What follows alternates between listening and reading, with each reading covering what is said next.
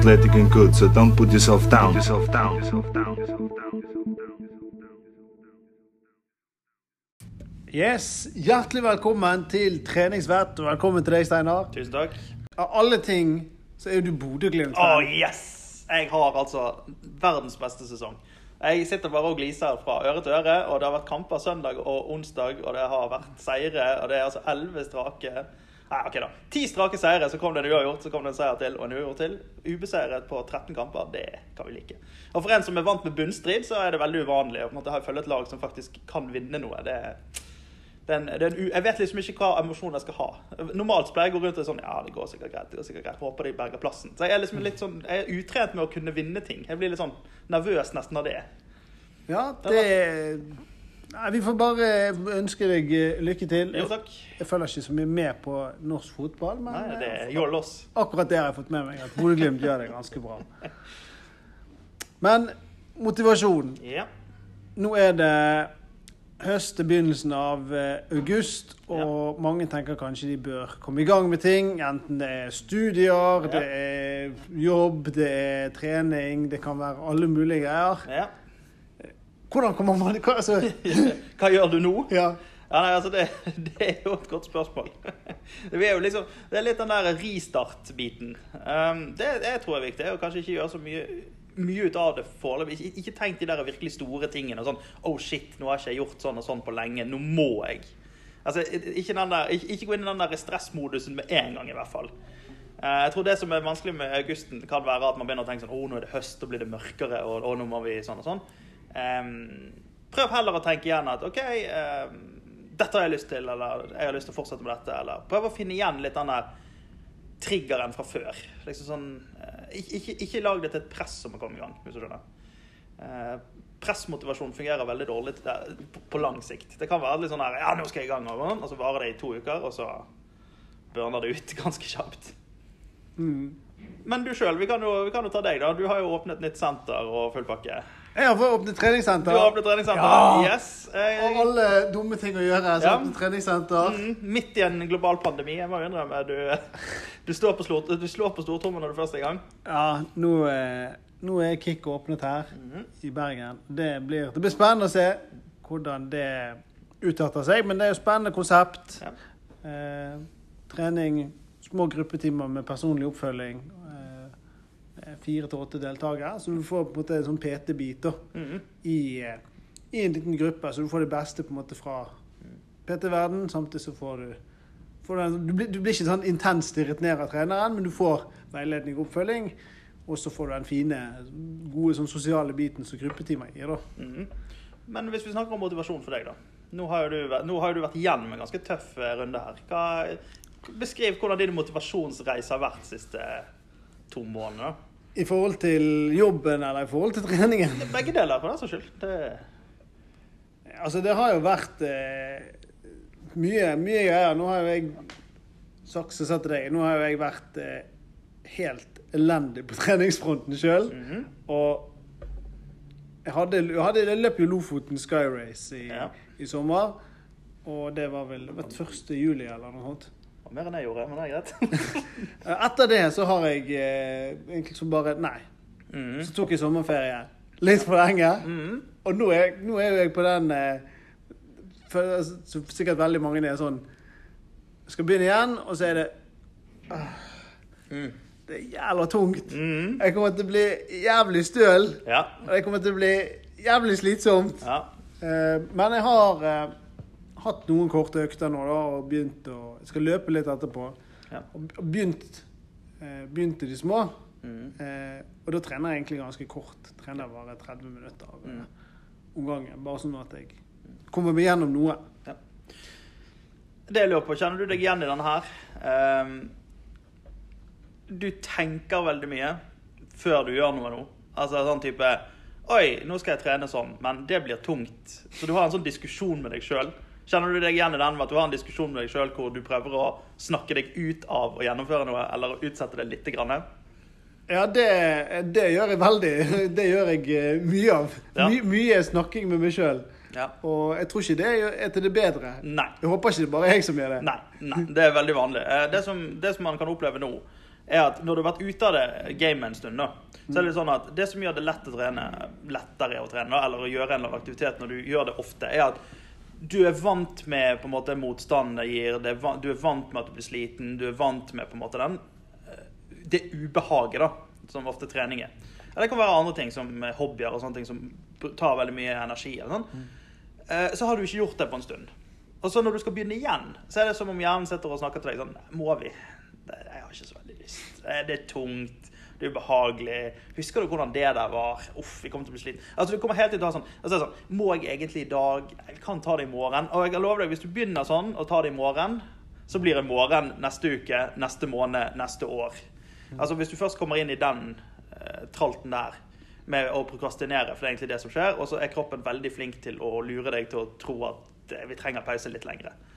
Eh, sånn at det er veldig vanlig. Det er sånn typiske antimotivasjonsfaktoren. Når du har vært ute av det lenge, så er det litt sånn Nei, kroppen vil ikke ha ubehag. Den liker ikke ubehag. Og da er vi veldig flinke til å overtale oss sjøl om at vi skal utsette det litt.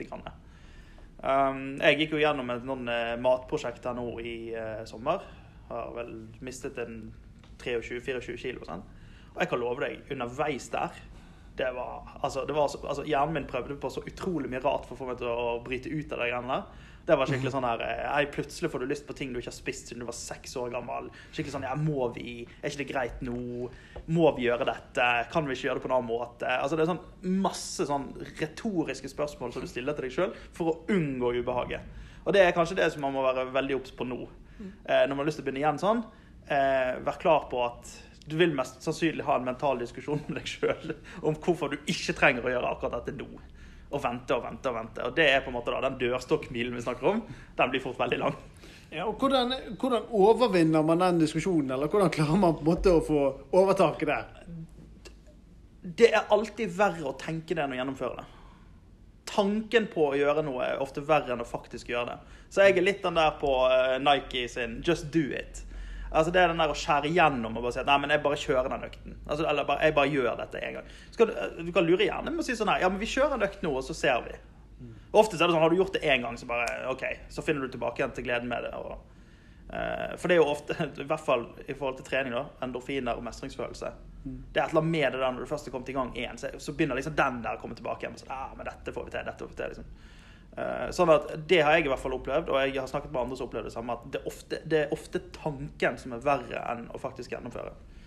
Det er litt som, som for min del, da, som f.eks. Eh, prater foran store forsamlinger, eller sånn, så er ofte tanken på å skulle snakke foran 200 mennesker mye verre enn å faktisk snakke foran 200 mennesker.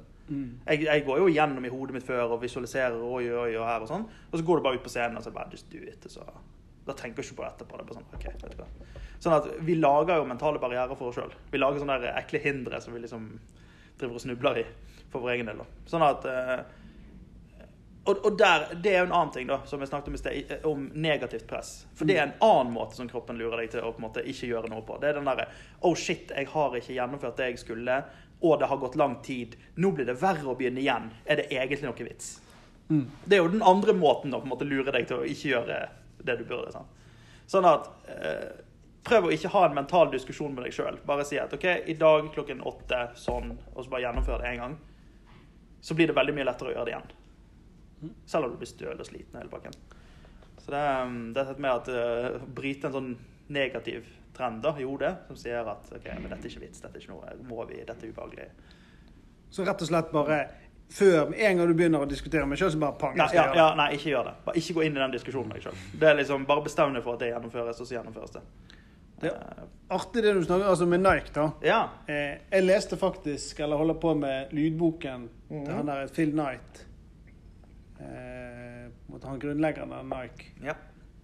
Det, det er faktisk en bok jeg anbefaler alle å eh, lese eller høre. Mhm. Eh, er vanvittig tidlig hvor mye som, på sånn tilfeldigheter og hvor, Ja. eh, Han har styrt på, for å si det sånn, for å få det til å gå. Ja, det, det, det er noe av det som jeg synes er veldig fascinerende med å gå inn i sånne typer suksesshistorier i forhold til næringsliv eller forhold til politikk eller forhold til samfunnet. Tilfeldigheter har så sinnssykt mye å si.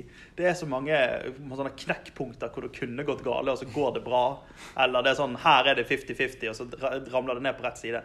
Og du må jo av og til tenke hvor mange gode ideer eller hvor mange bedrifter var det som falt ned på feil side? Altså hvor mange fikk ikke den ene sjansen som gjorde at de kom gjennom det nåløyet. sant? For bare, Jeg skal ikke på måte, Jeg anbefaler virkelig alle. Jeg har lydboken og anbefaler det. Jeg syns jo det er lettere å gjøre. Men det var liksom det der med når de skulle bestemme navn, sant? Ja.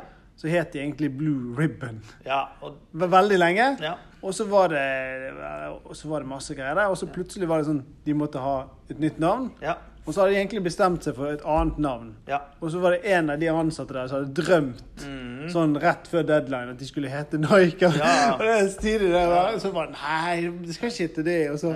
Jo da, vi går for Vi går for det. Ja. Og det er jo en, eh, det er jo en gudinne fra gresk mytologi, hvis jeg ikke husker feil. Seiersgudinne, tror jeg. jeg skulle ja, nettopp. Eh, og det som var det geniale i tillegg da, med Nike, er jo den the Nike swoosh. Den her, eh, her linjen under. Mm. For den var veldig lett gjenkjennelig. Akkurat den der Jeg er ikke, jeg er ikke kommet til jeg Du er ikke kommet så langt i boken, nei. Nei. Jeg er ikke kommet så Nei, og det var jo, jeg husker på det vel 70-tallet er det vel da de begynner med det der, at du kunne ha det på skoen. Og da var det plutselig sånn, ah, dette er synlig. Sånn at, sånn at selve Nike-emblemet er gjenkjent bare av den, det som de kaller for the Nike swoosh, den her eh, streken under navnet. Og den kan du printe på ting, og da får du den her brand awareness-greien. Men det er det å komme på det når ingen andre har gjort det før deg. Bare si at, ja, men hva hvis jeg bare putter logoen min her? Nå, nå er det på skoene hele tiden hos alle merker, sant? Men det er liksom et eller annet med å se den muligheten, så bare sånn, der, sånn. Nei, men eh, nå er vi på ja, 13,5 minutter. 13,5 Og vi har bestemt oss for å ha litt kortere episoder, så nå håper vi folk Steinar har fått beskjed om å snakke litt mindre. Nei, men nå håper vi folk har Ja. fått noen tips, og ikke minst at de tar med seg dette her når du begynner å diskutere med deg sjøl, Ja. da er det bare å Det er en diskusjon du allerede har tapt, mest sannsynlig. Ja, for Altså, for å si det sånn Tanken der, altså hodet ditt har jo på en måte har, De vet jo hva du ikke har lyst til, sant? Og, og prøver jo hele tiden å få deg til å Nei. Sant? Og prøver Ja, si ja. Nei, du skal, det hadde vært jævla tungt. Du, eller, åh, nei, du gidder ikke det. Så da må du bare pang, gjennomføre.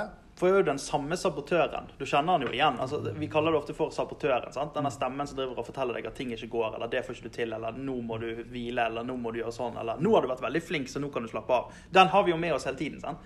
Og problemet er jo når du da har vært ute av det en stund, så har han fått lov å boltre seg ganske kraftig. Så det er ganske tydelig at hvis du da, og hvert fall hvis du stresser med det La oss si du har ikke vært så aktiv i sommer, da. Lagt på deg litt, vært litt der, føler at ting er ekstra tungt. Så da er det veldig fort for at man begynner å tenke sånn Å, shit, jeg må trene, for hvis ikke så Og hvis du allerede er i det moduset, da er han i full sving allerede. For da er det så mye negativitet han kan bygge på. Så det viktige der er å tenke sånn Nei, trening var gøy, jeg vil tilbake til det. Og så ikke ha noe mer diskusjon med deg sjøl om at det er bare sånn Nei, nå klokken åtte, eller hvor tid du velger. Nå skal jeg trene, den, og så kjører vi Nike Just Do It. Nei, men glimrende. Da snakkes vi på.